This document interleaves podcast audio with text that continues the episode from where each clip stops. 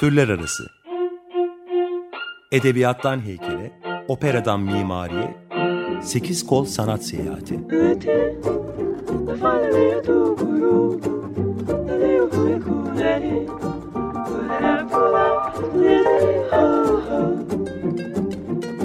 Hazırlayan ve sunan Eraslan Sağlam.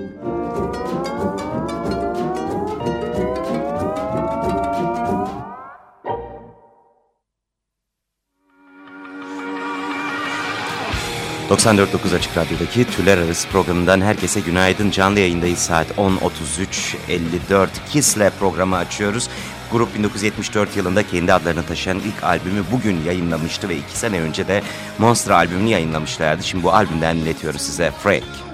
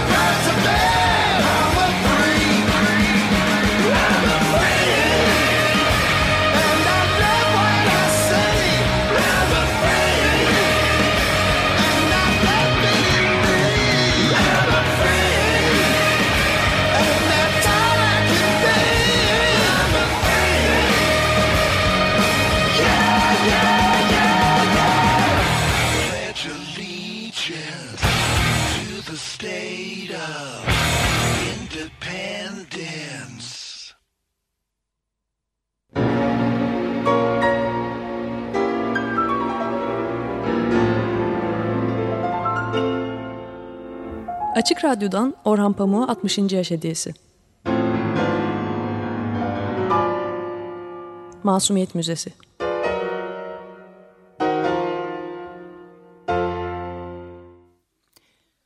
Babamın ölümü Nişanın bozulduğu haberinin hızla yayılması, Osman'ın bir gün yazıhaneye gelip beni azarlaması, araya girip Sibel'in gönlünü almaya hazır olduğunu söylemesi, Sağdan soldan duyduğum dedikodular, kafayı üşüttüğüm, kendimi gece hayatına verdiğim, Fatih'te gizli bir tarikate mensup olduğum ve hatta komünist olduğum ve militanlar gibi gece konduda yaşadığım yolundaki söylentiler kulağıma geliyor, Ama bunlara fazla aldırmıyordum. Bilakis nişanın bozulduğu haberini işitince, Füsun'un etkileneceğini, saklandığı yerden bana haber yollayacağını kuruyordum. Hastalığımı iyileştirmekten de umudumu kesmiştim artık. İyileşmektense adını, acımın tadını çıkarıyor. Nişantaşı'nın turuncu renkli yasak sokaklarında da artık hiçbir şeye aldırmadan geziniyor. Haftada dört beş kere merhamet apartmanına gidip eşyalarla, Füsun'un hatıralarıyla huzur buluyordum. Artık Sibel'den önceki bekar hayatıma dönmüş olduğum için Nişantaşı'ndaki eve annemle babamla kendi odamda da kalabilirdim.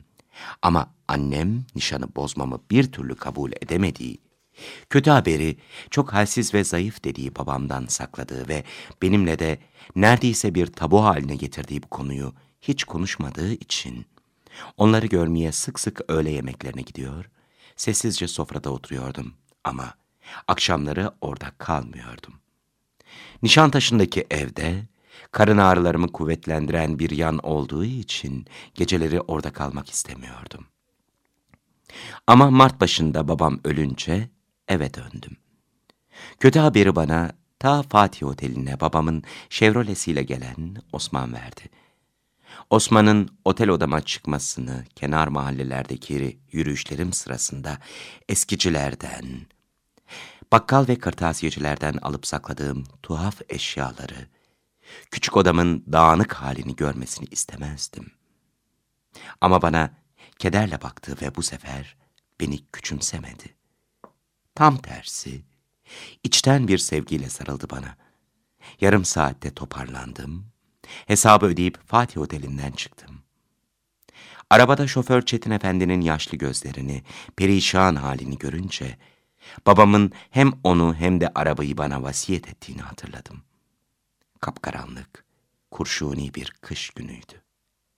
Çetin'in kullandığı araba Atatürk Köprüsü'nden geçerken Haliç'e baktığımı, cam göbeği buz rengiyle madeni yağlı çamur rengi arasındaki suların soğukluğunu içimde bir çeşit yalnızlık olarak hissettiğimi hatırlıyorum. Babam sabah ezanı okunurken, yediği biraz geçe, uykuyla uyanıklık arasında kalp yetmezliğinden ölmüş, annem Sabah uyanınca yanında kocasının hala uyuduğunu sanmış. Durumu anlayınca delirmiş.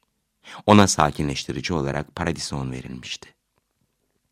Şimdi annem salonda her zamanki yerinde babamın koltuğunun karşısındaki kendi koltuğunda oturuyor. Arada bir ağlayarak babamın boş koltuğunu gösteriyordu. Beni görünce canlandı. Birbirimize güçle sarıldık, hiç konuşmadık. İçeriye babamı görmeye gittim. Annemle kırka yakın yıldır paylaştığı büyük ceviz yatakta, pijamalarıyla, uyur gibi yatıyordu ama kas katı duruşunda, teninin aşırı soluk renginde ve yüzündeki ifadede uyuyan birinin değil, aşırı huzursuz birinin hali vardı. Uyanırken ölümü görmüş, telaşla gözlerini açmış, hızla yaklaşan bir trafik kazasından korunmak isteyen biri gibi bir hayret ve korku ifadesi takılmış, o da suratında donup kalmıştı. Yorganı sıkı sıkıya tutan buruş buruş ellerinin kolonya kokusunu, kıvrımlarını, üzerlerindeki benleri, tüyleri çok iyi tanıyordum. Çocukluğumda saçlarımı, sırtımı, kollarımı binlerce kere okşayarak beni mutlu etmiş, tanıdığım ellerdi bunlar. Ama derilerinin rengi o kadar beyazlaşmıştı ki korktum. Onları öpemedim. Yorganı üzerinden çekip her zamanki mavi çubuklu ipek pijama içindeki gövdesini görmek istedim ama bir yere sıkışmıştı. Yapamadım. O çekiştirme sırasında sol ayağı yorganın dışına çıktı. Bir dürtüyle ayak baş parmağına dikkatle baktım. Babamın Ayak baş parmağı benimkisinin tıpatıp aynısıydı ve eski bir siyah beyaz fotoğraftan büyüterek elde ettiğim bu fotoğraf ayrıntısında görüleceği gibi hiç kimselerde olmayan tuhaf bir biçimi vardı. Babamın eski arkadaşı Cüneyt, 12 yıl önce Suadiye'de rıhtımda mayolarımızla otururken keşfettiği bu tuhaf baba oğul benzerliğini bizi birlikte her görüşünde aynı kahkahayla hatırlar, başparmaklar nasıl diye sorardı. Bir ara oda kapısını kilitleyip babamı düşünerek Füsun için uzun uzun ağlamaya hazırlandım ama ağlayamadım. Annemle babamın yıllarını geçirdiği odaya hala kolonya, tozlu halı, parke cilası, ahşap ve annemin parfümü kokan çocukluğumun mahrem merkezine, babamın beni kucağına alıp gösterdiği barometreye, perdelere bir an bambaşka gözlerle baktım. Sanki hayatımın merkezi dağılmış, geçmişim dünyaya gömülmüştü. Dolabını açıp babamın modası geçmiş kravatlarını, kemerlerini, yıllardır giymediği halde arada bir hala boyanıp cilalanan eski ayakkabılarından birini elime aldım. Koridorda ayak sesleri duyunca, çocukluğumda bu dolabı karıştırırken de hissettiğim suçluluk duygusunun aynısını hissettim ve kapısını gıcırdatarak dolabı hızla kapadım. Babamın başucundaki komodinin üzerinde ilaç kutuları, bilmece köşeleri, katlanmış gazeteler, subaylarla rakı içerken çekilmiş çok sevdiği eski bir askerlik fotoğrafı, okuma gözlükleri ve bardağın içinde de takma dişleri vardı. Dişleri alıp mendilime sararak cebime koydum. Salonda annemin karşısına babamın koltuğuna oturdum. Anneciğim, babamın takma dişlerini ben aldım merak etme, dedim. Peki sen bilirsin, anlamında başını salladı. Öğle vakti ev, akraba, tanıdık, dost, komşu büyük bir kalabalıkla dolmuştu. Herkes annemin elini öpüyor, ona sarılıyordu. Kapı açıktı ve asansör sürekli işliyordu. Bir süre sonra eski kurban bayramlarını, bayram yemeklerini hatırlatan bir kalabalık toplandı. Bu kalabalığı, ailenin gürültüsü ve sıcaklığını sevdiğimi, patates burunları ve geniş alınları hep birbirine benzeyen amca çocukları ve akraba kalabalığıyla mutlu olduğumu hissettim. Bir ara Berin'le divana oturduk ve tek tek bütün kuzenlerimin dedikodusunu yaptık.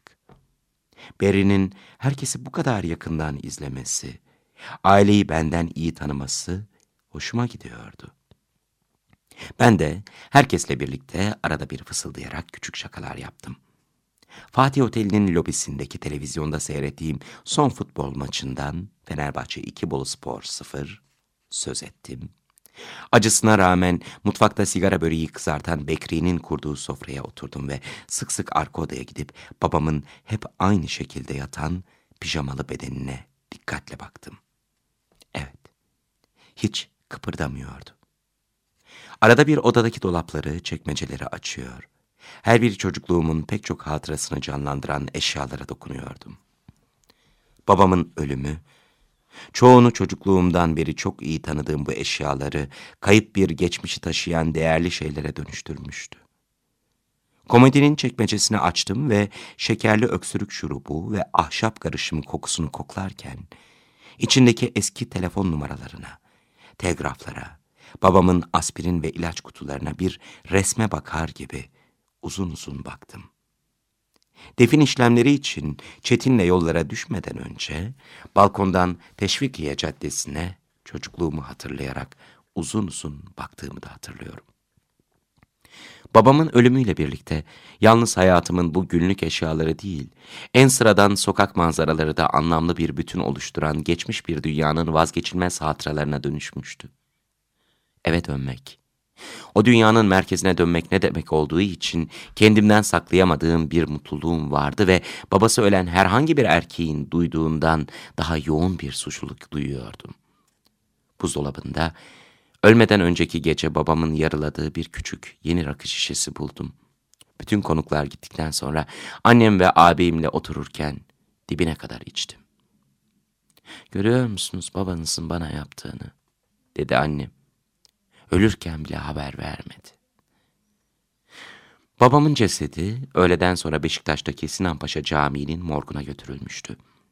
Annem, babamın kokusunu koklayarak uyumak istediği için çarşafların, yastık yüzlerinin değiştirilmemesini istemişti. Ağabeyimle geç vakit uyku hapı verip annemizi yatağa yatırdık. Annem babamın kokusunu yastıklarda, çarşaflarda koklayıp biraz ağlayıp uyuyakaldı. Osman da gittikten sonra yatağıma yattım ve çocukluğumda hep istediğim ve sık sık düşlediğim gibi en sonunda annemle bu evde yalnız kaldığımı düşündüm. Ama kalbime kendimden saklayamadığım bir heyecan veren şey bu değil. Cenazeye Füsun'un da gelme ihtimaliydi. Sırf bu yüzden gazetelerdeki vefat duyurularına ailenin o uzak kanadının adlarını da yazdırmıştım. İstanbul'da bir yerde Füsun'un annesiyle babasının gazetelerdeki ilanlardan birini okuyup cenazeye geleceğini hiç durmadan düşünüyordum. Acaba hangi gazeteyi okuyorlardı? Tabii haberi adlarını vefat duyurularına koyduğum diğer akrabalardan da alabilirlerdi. Annem de sabah kahvaltısında gazetelerdeki ilanları tek tek okudu. Arada söyleniyordu. Sıdıka ile Saffet hem rahmetli babanız hem benim tarafından akrabatırlar. Onun için onları Perran'la kocasından sonra sıralamak lazımdı. Şükrü Paşa'nın kızları Nigan, Türkan ve Şükran'ın sırası da yanlış yazılmış. Ha Zekeriya eniştenizin ilk karısı Arap Melike'den bahsetmeye hiç gerek yoktu. Zaten o kadınla enişteniz üç ay evlilik kaldı kalmadı. Büyük halanız Nesime'nin iki aylıkken ölen o zavallı bebeğin adı da Gül değil Ayşe Gül'dü. Kimlere sordunuz da yazdırdınız bunları? Anneciğim dizgi hatası bilirsin bizim gazeteleri, dedi Osman. Sabah ikide bir pencereden Teşvikiye Camii avlusuna bakıp ne giyeceğini düşünen anneme bu karlı, buz gibi havada evden çıkmaması gerektiğini anlatıyorduk. Ama Hilton'da da davete gider gibi kürkünüzü giyerseniz de iyi olmaz. Ölsem de babanızın cenazesinde evde duramam, dedi annem. Ama cenaze arabasının caminin morgundan getirdiği babamın tabutunun musalla taşına konulup taşınıp konuluşunu seyreden annem öyle bir ağlamaya başladı ki merdivenleri inip caddeyi geçerek cenazeye katılamayacağı hemen anlaşıldı. Daha sonra aldığı bütün sakinleştirici ilaçlara rağmen kalabalık avluda cenaze namazı kılınırken annem üzerinde asragan kürkü, Fatma Hanım'la Bekri Efendi'nin kolları arasında balkona çıktı ve kalabalığın sırtladığı tabut cenaze arabasına konurken bayıldı. Sert bir boyraz vardı. İnsanın gözünün içine giren küçük tanelerle kar atıştırıyordu. Avludaki kalabalıktan çok az kişi annemi fark etmişti. Bekri ile Fatma annemi balkondan içeri soktuktan sonra ben de dikkatimin kalabalığa verdim. Sibel'le Hilton'daki nişanımıza gelen aynı insanlardı bunlar.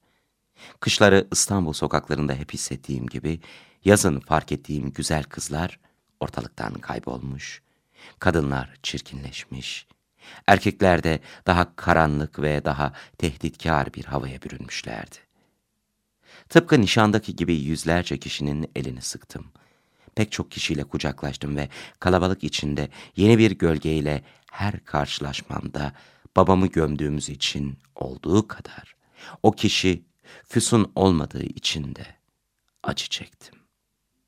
Ne Füsun'un ne annesiyle babasının cenazeye ve mezarlığa gelmediğini, gelmeyeceğini iyice anlayınca babamın tabutuyla birlikte soğuk toprağa kendim veriliyormuşum gibi hissettim.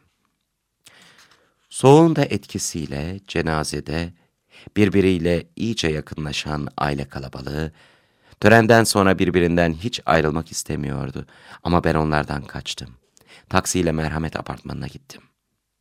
Dairenin kokusu bile bana huzur veren havasını içime çekerken, teselli gücünün en yüksek olduğunu tecrübeyle bildiğim eşyalar arasından Füsun'un kurşun kalemini ve o kaybolduktan sonra hiç yıkamadığım çay fincanını yanıma alıp yatağımıza uzandım bu eşyalara dokunmak, onları tenimin üzerinde gezdirmek kısa sürede acımı azalttı, beni rahatlattı. O gün babam için mi, yoksa Füsun cenazeye gelmediği için mi acı çektiğimi soran okurlara ve müze gezerlere aşk acısının bir bütün olduğunu söylemek isterim. Gerçek aşk acısı, varlığımızın en temel noktasına yerleşir, bizi en zayıf noktamızdan sımsıkı yakalar ve diğer bütün acılara derinden bağlanarak bütün gövdemize ve hayatımıza hiç durdurulamayacak bir şekilde yayılır. Eğer umutsuzca aşıksak, baba kaybından en sıradan talihsizliğe, mesela anahtarımızı kaybetmeye kadar her şey Diğer bütün acılar, dertler ve huzursuzluklar, her an yeniden kabarmaya hazır olan bu asıl ıstırabımızın tetikleyicisi olur. Benim gibi aşk yüzünden bütün hayatı alt üst olmuş biri, diğer bütün dertlerinin çözümünün de aşk acısının sona ermesiyle mümkün olacağını sandığı için içindeki yarayı istemeden daha da derinleştirir. Babamı gömdüğüm gün takside giderken açıklıkla kavradığım bu fikirlere uygun bir şekilde de ne yazık ki hiç davranamadım. Çünkü aşk verdiği ıstırapla ruhumu bir yandan terbiye ediyor ve belki daha olgun bir adam yapıyordu ama diğer yandan da aklıma bütünüyle el koyarak olgunluğun verdiği mantığı kullanmama çok az izin veriyordu. Benim gibi uzun bir süre ve yıkıcı bir şekilde aşık olmuş birisi, yanlış olduğunu bildiği bir mantığı, bir hareketi, sonunun hüsran olacağını bile bile sürdürmeye devam eder. Zaman geçtikçe yaptıklarının yanlış olduğunu daha da açık görür. Bu durumda insanoğlunun üzerinde durmadığı ilginç şey, mantığımızın en kötü günde bile hiç susmaması, tutkunun gücüne karşı çıkmasa da, yaptıklarımızın sonucunun çoğunun aslında aşkımızı ve acımızı artırmaktan başka bir sonuç vermeyeceğini dürüstlükle ve acımasızlıkla bize fısıldamasıdır. Füsun'u kaybettikten sonra geçen dokuz ayda mantığımın bu fısıltısı gittikçe güçlenerek artmış. Bir gün aklımın bütününe hakim olarak beni bu acıdan kurtaracağı umudunu da vermişti.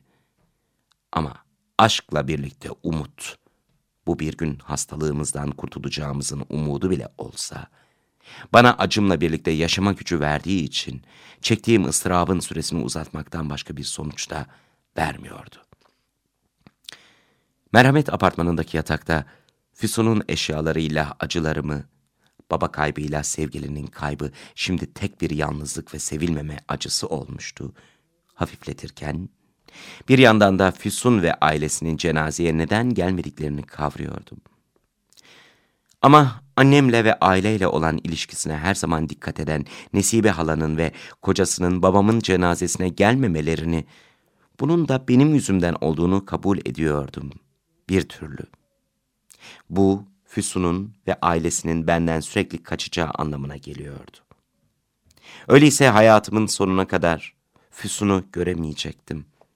Bu düşünce öylesine dayanılmazdı ki onu fazla düşünemiyor ve yakında Füsun'u görebileceğimi ilişkin bir umut aramaya başlıyordum.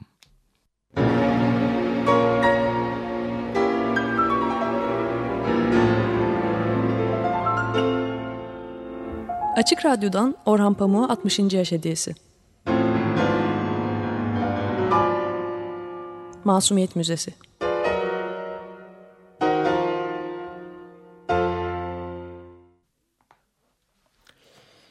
Evet, Masumiyet Müzesi'ni dinledik. 94.9 Açık Radyo türlerin türler arası programının içinde canlı yayındayız. Son dakikalardayız. Babamın ölümüyle dinlediğimiz bölüm ve bir Kiss parçası daha dinletiyoruz size veda ederken.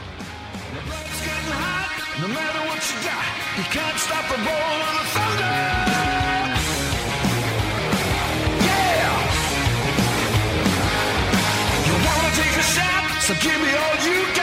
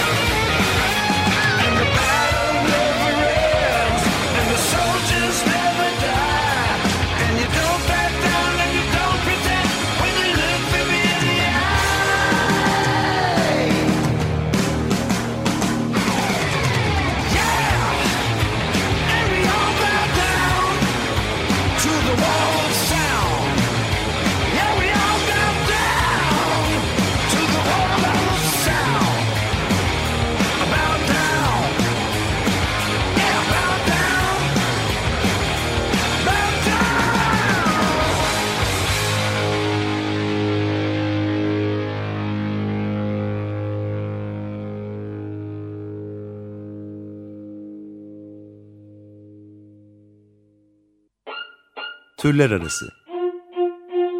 Edebiyattan heykele, operadan mimariye, sekiz kol sanat seyahati.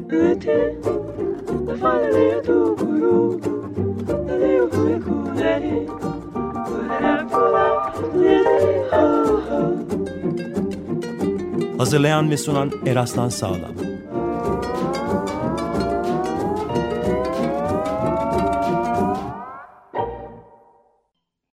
Açık Radyo program destekçisi olun. Bir veya daha fazla programa destek olmak için 212 alan koduyla 343 41 41